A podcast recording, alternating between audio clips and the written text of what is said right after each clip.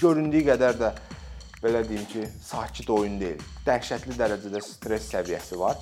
Bu deməli hər uğursuz turnirdən sonra əzmini itirməmiş, geri dönmüş, çalışmış və daha yaxşı nəticə ortaya qoymuşdu.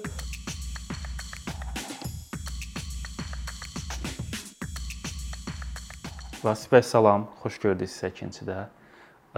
Biz bilirik ki, şahmat məncə Azərbaycanda ən populyar idman növlərindən biridir, çünki ardıcıl olaraq hər zaman biz şahmatçılardan yaxşı nəticələr görmüşük və belə olan şəraitdə təbii ki, bir çox insanın şahmata marağı yaranır və həm də ağla bu sual gəlir ki, mən şahmatçı ola bilərəmmi və yaxud grossmeyster necə olmaq olur? Elə ilk bundan başlamaq istəyirəm ki, sizcə mən professional şahmatçı ola bilərəmmi?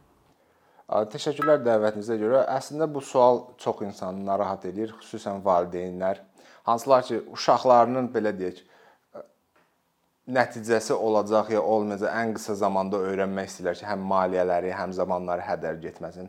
Arada məsələn həddi buluğa çatmış fərdlər də grossmeister olub olmama mümkünlüyünü soruşurlar. Onlardan bəziləri, yəni bir çoxu artıq şamatda belə deyək, hansısa səviyyəyə qədər peşəkar məşğul olmuş fərdlərdir.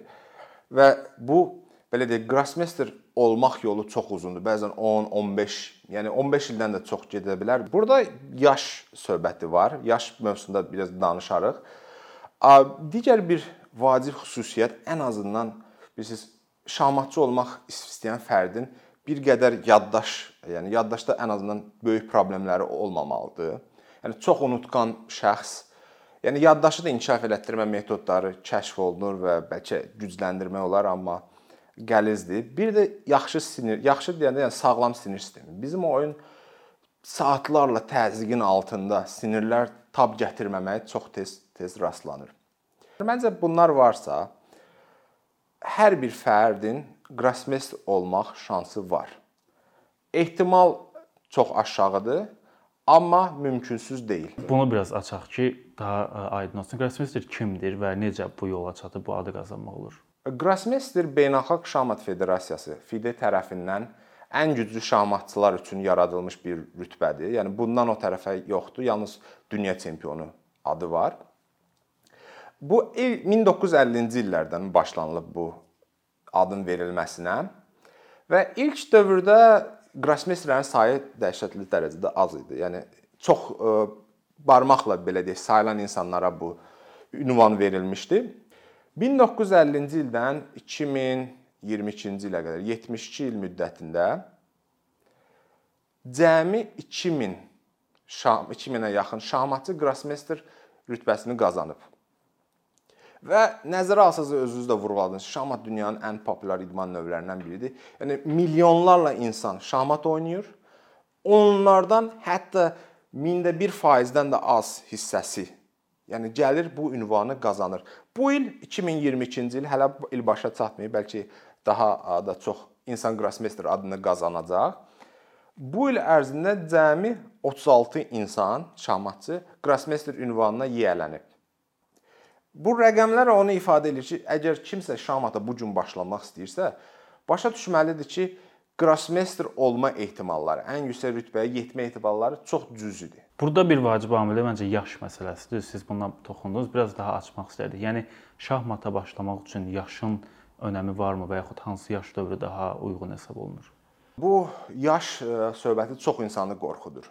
Yəni e, bir dövrdən sonra xüsusən belə şahmatla məşğul olanda mən karyeram boyu belə deyim, mübarizə apardığım şahmat yoldaşlarımın bir-bir belə deyək ki, şahmatdan ayrılmağını müşahidə etmişəm. Çoxunun da düşüncəsi o olur ki, artıq mənim yaşım ötür, universitet vaxtlarına yaxınlaşır deyir artıq baş özümə bir başqa peşəyə tapım. Mənim şəxsən tanıdığım türk şahmatçı, Türkiyə yığmasının üzvü olmuş Mərd Ardoğdu. Yəni mənim bildiyim ən gec şahmata başlayıb Grossmeister adına 15 yaşında başlayıb. Düzdür, onun biraz yolu uzun olub. 38 yaşında e, Grossmeister rütbəsinə yiyələnib. Amma yəni başlayanda bu insan şahmatdan anlaşı olmayıb. Və bu sahədə internetdə axtarışların bir fayda vermədi. Yəni çoxlu məlumat tapa bilmədim, araşdırmalar olmayıb. Amma biz mənə elə gəldi ki, Merti istinad nöqtəsi kimi götürə bilərik və deyə bilərik ki, kimsə 15 yaşından sonra şahmata başlayıb Grossmeister ola bilərsə, hər hansı 15 yaşında başqa bir fərd buna nail ola bilər. Ən çətini həmişə birinci yolu gedən, yolu salan fərddir. Yəni ona biz baxıb istinad götürə bilərik. Amma mənə elə gəlir ki, 15 yaşından sonra da Grossmeister olmaq mümkündür. Şahmatçılarla bağlı məncə hər zaman ağla gələn suallardan biri də istedadın belə deyək əhəmiyyəti ilə bağlıdır. Yəni uğurlu şahmatçı olmaq üçün hansısa daha əhəmiyyətlidir? Sadəcə istedad çox vacibdir yoxsa üzərində işləyərək, yəni istedad mütləq olmalıdırmı uğurlu şahmatçı? Ümumiyyətlə istedad şahmatda nədir? Bunu açsanız biraz çox xoş olardı. Ümumiyyətlə keçmişdə yəni tək şahmat söhbət şahmatdan söhbət getmir. İnsanlar nə nədəsə uğurlu olmağı istedada bağlayırlar.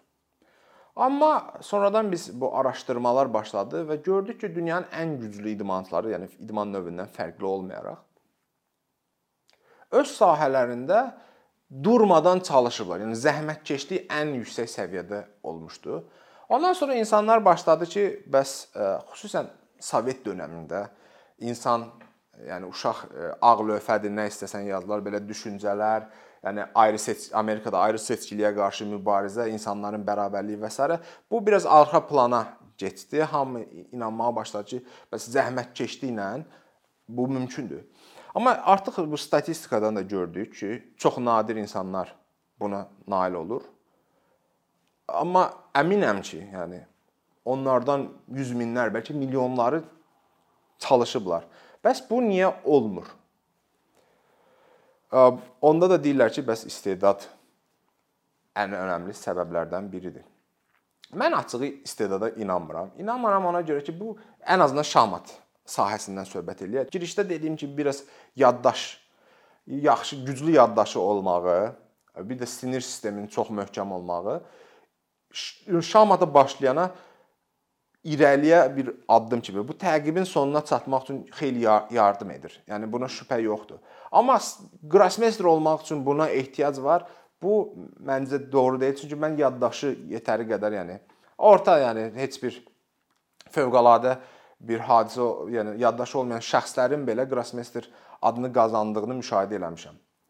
Və ümumiyyətlə bu istedada qarşı iki dünyada ən çox işlənən, yəni bu bu mövzuda yazılan kitablarda arqumentlərdən biri Polqar ailəsidir. Polqar ailəsi Macaristanda yaşamış psixoloq Lazlo Polqarın öz belə deyək qızları üzərində 3 dənə qızı olub. Üzərindəki eksperimentidir. Eksperiment də nədən ibarətdir? Lazlo Polqar inanırdı ki, təhsillə hər kəsi öz sahəsində, xüsusi spesifik sahədə ən güclülərdən biri etmək mümkündür. Və bu bunu belə deyə əyani öz uşaqlarının üzərindədir və 3 qızın biri e, Susan Polgar ən böyük qız, e, ailənin ən böyük qızı, hansı ki mən də onunla işləmək xoşbəxtliyinə nəsib olmuşam. Biz universitet vaxtlarında mənim e, məşqçim olmuşdu. O şahmat üzrə beynəlxalq grossmeister adını qazanıb. Yəni qadın grossmeister yox. Biri var, bizdə 2 dənə titul var, ünvan var. Biri qadın grossmeisteri, biri grossmeister hər kəs üçün. Grossmeister adını qazanan ilk qadınlardan biri olmuşdu. Ondan sonra ortancıl bacı, o düzdür Grossmeister ünvanını almayıb. Dünən yoxladım, beynəlxalq ustadır, amma 2500 e, normasını keçmiş. Yəni əslində başlanğıcda biz yerə vurğulayardıq Grossmeister olmaq üçün hansı normativləri yerinə yetirmək lazımdır? İki normativ var. Bir Grossmeisterləri udmaq lazımdır. Bir də Yəni udursan, sonra sənə norma verirlər. Bir də ki 2500 həddinə haqlamaq lazımdır. Hansının ki ortancıl bacı eləmişdi. Yəni mənə elə gəlir biraz cəhd eləsəydi o da Grossmeister olacaqdı. Amma üçüncü ən kiçik bacı dünyanın ən güclü 10 şahmatçısı siyahısına belə daxil olan ilk qadın, hələlik yeganə qadın ünvanını daşıyır. Və bundan əlavə onu qoyaq qırağa deyir, Newzağa gedirik, götürək elə bizim Məmmədiyarovlar ailəsini Azərbaycanda Şamad ailəsi kimi ad saldılar. Burada o 3 nəfər ailənin 3 fərdi var. Şəhriyar Məmmədiyarov dünyanın ikinci ən güclü şahmatçı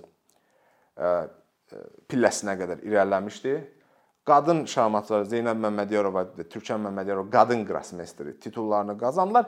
Mən inanıram ki, onlar da bəlkə daha da irəliyə gedə bilər, amma öz sahələrində yetəri qədər uğurlu hesab etmək. Azərbaycanın lider qadınları onlar olub uzun illər. Və bu iki ailəyə baxanda, yəni necə olur ki, istedad bunların mı üzərinə gəldi? Bir ailədə, yəni hamı istedadlı mı çıxdı? Yəni bunları görəndə mən yəni bu hallar daha da mənə inandırır ki, istedad anlayışı çox şişirdilib. Mənə elə gəlir ki, burada biraz fərqli bir amil var uğur qazanmaqda. Hansı ki, təsadüflərdir. Təsadüfi hadisələrin gözlənilmədən ağla sığmaz təsadüfi hadisələrin, yəni bunlar kiçik də ola bilər. Birləşərək xoş təsadüflərdən təbii ki, söhbət gedir, bəxti yaradır. İlk baxışdan, yəni bu izləyici üçün təəccüb doğura bilər. Çünki şahmat məntiqə və bacarıqlar üzərində qurulmuş bir oyundur. Yəni bizim belə deyək bəzi digər oyunlara nisbətən məsələn poker deyək, nərd deyək, domino deyək, onlarda bəxt amili daha yüksəkdir, amma bizdə aşağı təəccüb doğura bilər. Amma yəni lövhə arxasında iki güc, yəni bir zəif bir güclü şahmatçı otursa, böyük ehtimal, yəni ən azından ə, oyun sayını artırsaq, güclü qalib gəlməyi demək olar ki, 100%-ə yaxındır. Ehtimal olaraq.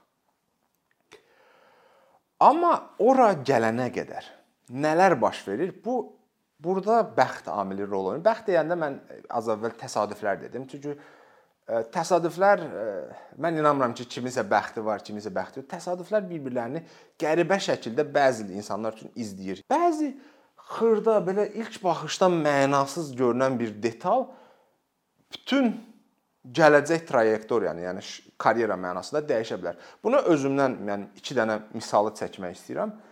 Xatırlayıram, yəni Şahmatda təzə-təzə uğurlara doğru getmə 2002-ci il 10 yaşım olanda Avropa çempionatında iştirak edirdim 10 yaşlarım.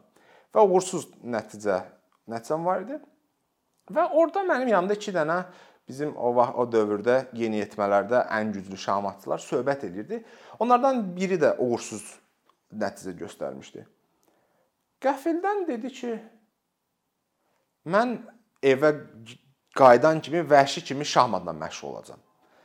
Bunu eşidəndə bilirsiniz təbəssüm doğurur məndə. O dövrdə fikirləşdim ki, deməli bu şəxsin, bu şahmatçının bu səviyyəyə çatmasında məhz bu amil rol oynamışdı. Bu deməli hər uğursuz turnirdən sonra əzmini itirməmiş, geri dönmüş, çalışmış və daha yaxşı nəticə ortaya qoymuşdu.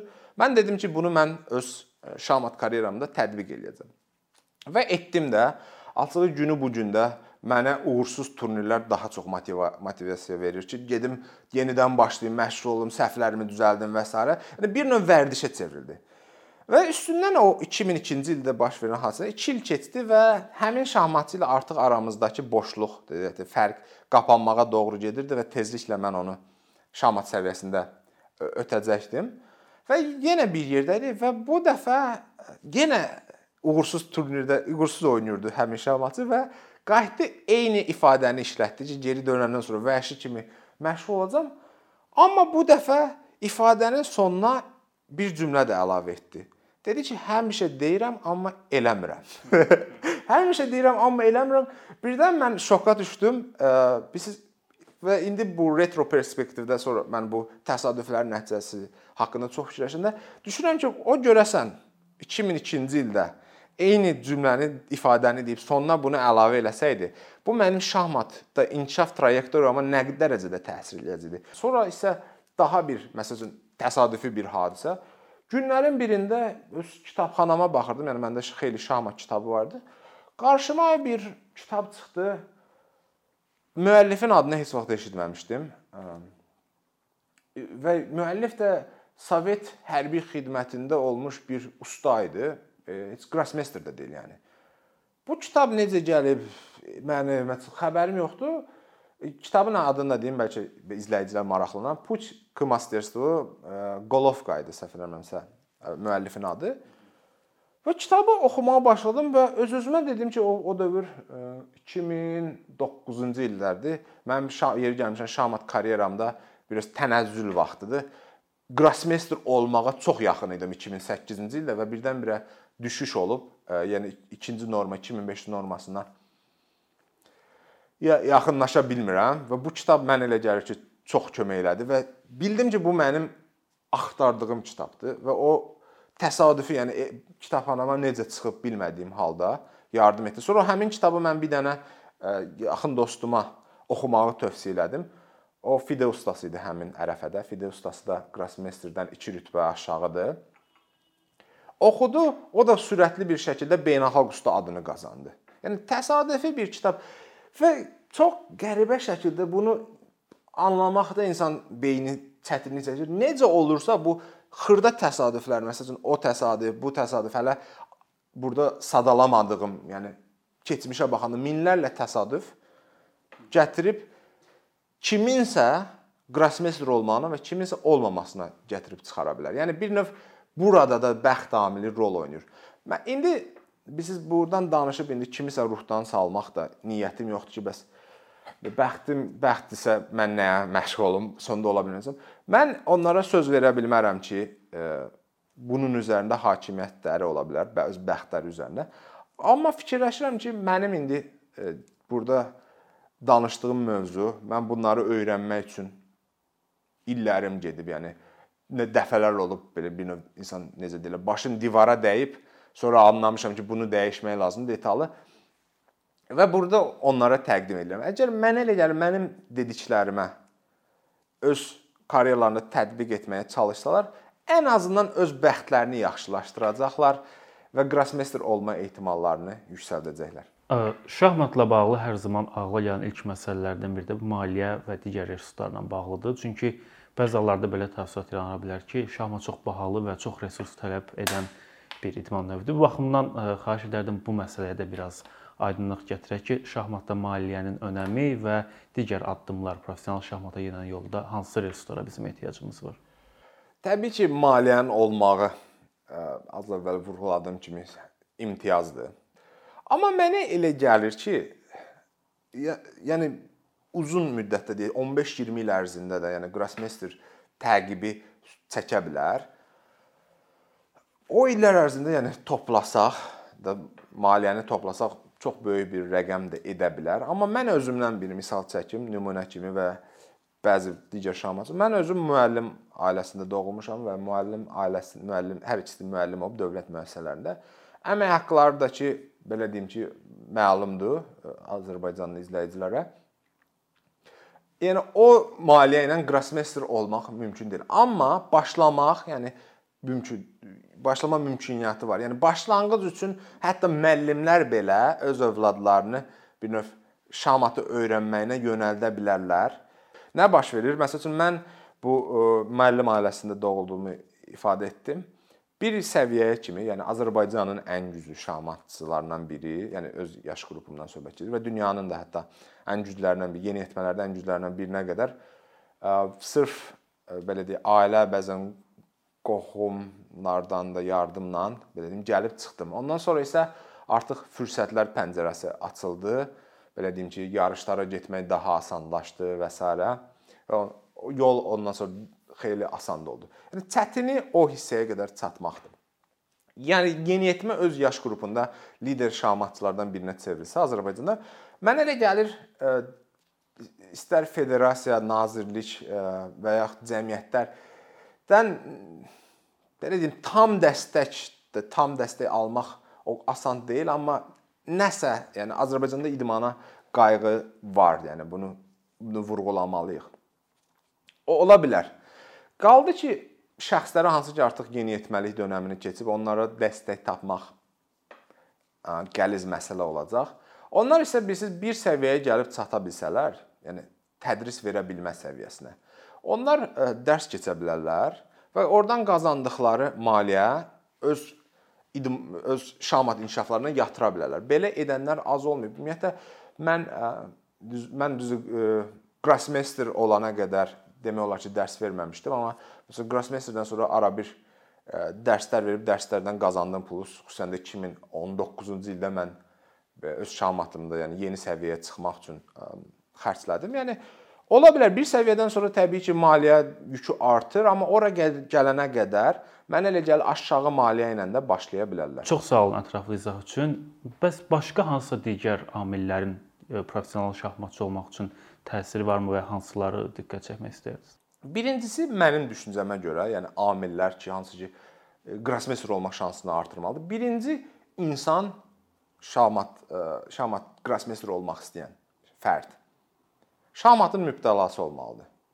Mübtəlası deyəndə mən bəzi insanlar sevgi, həvəs belə anlayışlardan istifadə edir. Sevgi ilə necə deyirlər, sevgidən nifrətə bir addımdır. Yəni bu qədər stressli bir oyunda bir məğlubiyyətdən sonra çətinlik çox olur. Yəni göründüyü qədər də belə deyim ki, sakit oyun deyil. Dəhşətli dərəcədə stress səviyyəsi var. Mən həmişə zarafat edirəm ki, boksda uduzanda onsuz rəqib elə vurur ki, yıxılırsan, qalxa bilməyəcəksən də. Amma şahmatda uduzduqdan sonra belə daxili qəzəb, öfkə, bilmirsən hara tökəsən. Bu bu anlarda insan istəyir hər şeyi atıb getsin. Atıb getsin və burada geri qayıtmaq üçün bizə lazımdır alüdəçilik, mübtəlalıq Yəni şahmatsız bir növ yaşaya bilmirsən. Bunu etmək şahmatda, yəni gündə 8, 10, bəzi bir çox hallarda 12 saat şahmatdan məşğul olmaq, bu stressə tab gətirmək üçün mütləq və mütləq şahmatın mübtəlası olmaq lazımdır. Olmayıb Grasmesteriyə yetmək bilmirəm, mən mənim üçün inandırıcı gəlmir. Bundan əlavə ikinci, yəni birinci budur mənim mənim gözümdə birinci amil budur. İkincisi isə məşq, yol, məşqçi, yol göstərən və sparring. Özünüzü bir şahmatçı kimi mütləq şahmat mədəniyyəti ilə əhatə eləməlisiniz. Mədəniyyət hər tərəfdən gəlməlidir. Yəni hətta biraz uzağa gedin, dostların, tanışların da şahmatçı olsa daha yaxşıdır ki, hələdən nəsə öyrənmək lazımdır. Qulağa bir, bir yenilik gəlməlidir ki, bu fərq yaratsın. O dediyim təsadüflər var ya, o təsadüf gələndə onu tutub saxlamaq, yəni müsbət təsadüfən. Onu bacarmaq lazımdır. Onu da bacarmaq üçün siz bu mühitdə olmalısınız. Mühiti də yaratmaq üçün bu amillər əhəmilidir. Məhdçi məsələsi çox e, insanı narahat eləyir. Dəhşətli dərəcədə sual verirlər ki, hansı məhdçinin yanına qoyaq və s. kimin yanına getməliyəm. Açığı mən indi təbii ki, şahmatçı tanışlarım yetəri qədərdir. Mən onların e, başlanğıc səviyyəli şahmatçılarla necə məşğul olduğunu görməmişəm. Yəni müşahidə eləməmişəm və istəmirəm ki, kimisə yanlış yönə yönləndirim. Burada yaxşı məşqçini necə taparam sualına, yəni asan sual deyil. Burada biraz da yenə dediyim kimi, təsadüfən bəlkə sizin bəxtinizdən yaxşı məşqçiyə birincidən rastlanacaqsınız. Burada yəqin ki, o ən məşhur metodla getməliyik. Sağda, solda soruşursan, kimin haqqındasa yaxşı xəbər eşitsəz, yəni bilmirəm bu burada məsəl üçün bəxt yenə bu bu dediyim təsadüfi bir nəticənin yəni təməl necə qurulmalıdır? Yəni təməlin üzərində də bina elə möhkəm ola bilər. Amma bir şeyi mən vurğulayacağam məşqçi barədə. Təkbətək məşqçi seçməyin. Əgər uşağınızı şahmadiyə, uşaq deməyək, mən indi burada verişdə hər hansı bir fərddən danışıram, yəni hansı ki, yetişkin də ola bilər. Qrup məşğələlərinə getsinlər. Qrupda olsunlar ki, digər o sparring məsələsi burada ortaya çıxır. Çünki orada başqa şahmatçılarla daim rəqabətdəsiz. Biri bir şey, hərəsindən bir şey öyrənirsiniz və bu sizin inkişaf tempinə xeyli təkan verir və məncə başlanğıc üçün önəmlidir. Bir də mən məsələn yol göstərən dedim. Yol göstərənlə məşqçi biraz fərqli ola bilər. Nə baş verir? Mən çox vaxt e, görürəm bəzi məşqçilərin limiti var da belə deyim, limit deyim, nə deyim. Onlar bir səviyyədən digər səviyyəyə oyunçu çıxartmağı yaxşı bacarırlar. Məsələn, biri var gedişləri öyrənən məşqçi, biri var detalları öyrədən məşqçi, bir səviyyədən sonra artıq tam peşəkar məşqçi və s. və ilə axır. Burada məşqçilərin, məşqçinin özün. Təəssüflər olsun ki, bu insan təbiətidir. Marağın toqquşması yaranır. Çünki nəyə görə? Mənim bir dənə uğurlu təsəvvür edin ki, mən məşqçiyəm, yeni başlayan bir uşağı öyrədirəm. Mən uşağa yaxşı öyrədirəm, bir səviyyə çatdırmışam. Və uğurları var həmin uşağın. Mən o uşağı əlimdən buraxmaq istəmirəm. Çünki bu mənim bir növ vizit kartımdır, düzdürmü? Məsəl üçün deyə bilərəm ki, mən tutaq ki, dedi, Şəhriyar Məmmədyarovun məşqçisiyəm. Burada bizə yol göstərən lazımdır. Yol göstərən desin ki, tutaq ki, Vasif Artıq sən bu məşqçi ilə bir səviyyəyə çıxmısan, yeni məşqçiyə keçmək lazımdır. Mən e, xoşbəxtlikdən mənim e, əsas məşqçim, yəni mən şahmat karyeramda uzun illər məşq etdiyim Anar Allahverdiyev olmuşdu. 2000 təxminən 2007-ci ilə qədər 2001-in 2002-dən 2007-ci ilə 5 ilə. Məsələn, Anar müəllim mənə özü dedi ki, Vasif, bu səviyyədən sonra sənə lazımdır başqa məşqçilər, məşqçi ilə işləmək və yollarımızı ayırdı. Yəni bunu deyə bilmək bacarığı heç də hər məşqçidə yoxdur. Mən müşahidə eləmişəm başqa hallarda. Bunu bacarmaq lazımdır. Bunu əgər məşqçi bacarmırsa, dediyim kimi bir yol göstərəniniz olsa, yol göstərən də yəni başqa insanlarla məsləhətləşmək, özünüzdən belə deyək ki, sizin tutaq ki, deyək, şamat biliyiniz bu bir səviyyədədir, özünüzdən qat-qat yüksəkdən məsləhət almaq.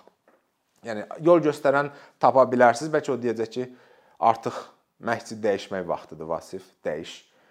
Bunu bacarma mənə elə gəlir ki, başlanğıcda, yəni təzə başlayanda məşqçiləri daha sıx dəyişmək olar.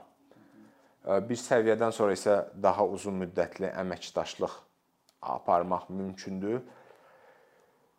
Dediyim kimi o o mövzu çətin mövzudur, məşqçi. Ağıl ağıl göstərən və sparrinqdə daima nə qədər yaxşı özünüzü əhatə eləyə bilsəz, bu sizin şahmatınızı inkişaf elətdirəcək. Sonra birinci təcrübə, sonra hazırlıq. Çox insanlar nə edir? Biraz belə də qorxu hissi yaranır ki, şey hazır deyiləm, mən gərək hazırlaşım, sonra oyuna çıxım, uduzaram. Uduzmaq təlaşı. Yəni əsas məqsəd budur ki, biz səhv eləməkdən qorxmamalıyıq. Təbii ki, səhv eləməkdən çəkinməliyik, çalışmalıyıq ki, mükəmməlliyə doğru irəliləyək, qüsursuz bir. Yəni qüsursuzluq mümkün deyil, amma qüsursuzluğa doğru ə, təqib edək. Amma bu bizim səhvlərdən qorxmağımıza gətirib çıxartmamalıdır. Çünki səhv öyrənmək üçün ən yaxşı yoldur. Mümkün qədər tez çoxlu səhvlər eləyin və mümkün e, imkan varsa başqalarının səhvindən öyrənin. Yəni bunu bu fürsətləri buraxmayın. Başqa cürə şahmatda irəliləmək olmaz. Və biraz şahmat əslində baxanda biraz yox, çox psixoloji oyundur. Fischer, Bobby Fischerin məşhur sözü var, deyir, mən psixologiyaya yox, güclü gedişlərə inanıram. Yəni orada həqiqət var təbii ki. Amma mənim düşüncəmə görə şahmatçı olmaq istəyən, yəni qrosmeyster olmaq istəyən şəxs özündən razı olmalıdır. Özündən razı olmağı Azərbaycanda lovğalıqla, lovğa ilə qarışdırırlar. Yəni özündən razı olmaq o demək deyil ki, həmin şəxs lovğalanmalıdır. Özündən razı olmaq o deməkdir ki, mən inanıram ki, mən nələrəsə nail ola bilərəm öz bacarığıma tam güvən var. Bu bunun önəmi nədir? Mən özüm də yəni Grasmeister mən oynayanda mənim rəqiblərim görürəm. Yəni burada e, belə deyək, hissiyatı gizlətmək mümkün deyil. Oturursunuz kimlənsə 5 saat qabaq-qabağa. Bizim indi burada 40 sm, 50 sm məsafəmiz var. Amma şahmat lövhəsində daha da qısa, tam bir üzbəyüz və rəqibə o hissi ötürməlisiniz ki, siz özünüzdən razısınız. Siz onu uda biləcəyinizə inanırsınız. O hissi ötürməyəndə, onsa siz gedişlərdə də bunu göstərəcəksiniz. Çünki bəzi gedişlər belə deyim, aqressiv ola bilər, zəif və s. ötürəcəksiniz. Sizdə bu hiss lazımdır. Ki həm rəqibə təsir etsin, çünki rəqib sizin onu udmaq istədiyinizi və bacara biləcəyinizi inandığını görsə, bir qədər belə deyim, onun da daxilinə qorxu toxumları səpmiş olarsınız. Və digər bir məsələ düzgün turnir seçimi. Burada yol göstərənin xüsusi önəmi var, məşqçinin xüsusi önəmi var. Bəzi bir çox insanlar şahmatda başa düşmürlər ki, məsələn, mən mən qrosmeysterəm, bu işin də ən yəni ən yaxşı oynayanlardan biri tutaq ki, mənə gəl deyirlər ki, gəl bu uşaqla şahmat oyna və yaxud şahmat, yəni bu belə baxanda normaldır. Yəni onlar arada bir Amma bəzi valideynlər kobud səhvə yol verir. Götürür uşağı salır, məsələn, ən güclü şahmatçıların arasına. Bir turnirdə oynasın. Və turnirdə nə baş verir? Bu insanı e, şahmatçı kimi bir növ mənlik duyğusu, ego deyirlər. Yəni özündən razılıq duyğusu mən dağıdırlar. Yəni uduzur hər oyun və görür ki, mən yəni nəyə görə özümdən razı idim. Sonra onu bir də geriyə yığmaq çox çətindir. Psixoloji psixoloji ə, e, zərbə olur bu. Məsələn, digər idman növlərində məsələn boksda heç kim götürüb qeyri-peşəkarla peşəkarı dərhal ringə salmaz, bilir ki, zədə ala bilər. Eyni şeydə beyin zədəsi. Ona görə də şahmatçı inkişafında turnirləri düzgün seçməyi nə çox güclü turnilə girməlidir, nə çox zəifə. O qızıl ortanı tapmağa da kimlərsə yardım etməlidir, yol göstərənlər. Çünki yol göstərən olmayanda oyunçunun özü yanlış qərarlar verə bilər. Bizim özümüz özümüz haqqında qərarlarımız, yəni hisslərə çox tez-tez söykənir. Dediyim, özündən razılıq duyğusu bəlkə həddini aşa da bilər və s. Ona görə ehtiyatlı olmaq lazımdır və bir çox hallarda güvəndiyiniz şəxslərə etibar eləməyi məsləhət görərəm və həm yenə dediyim kimi həmin şəxslərlə özünüzü əhatələyin. Bilmirəm indi neçə dənə örnək çəkdim. Məsələnin məğzini izah eləməyə çalışdım. Təbii ki, Grossmeisterə gedən yolda əlavə çox şey ola bilər. Yəni çox şeyi bəlkə əlavə eləyə bilərsiniz. A deyə bilərsiniz, bu da mən mənim hərənin praktikası başqadır. Hərə bir fərqli yol gedib, gedə bilər, gedir.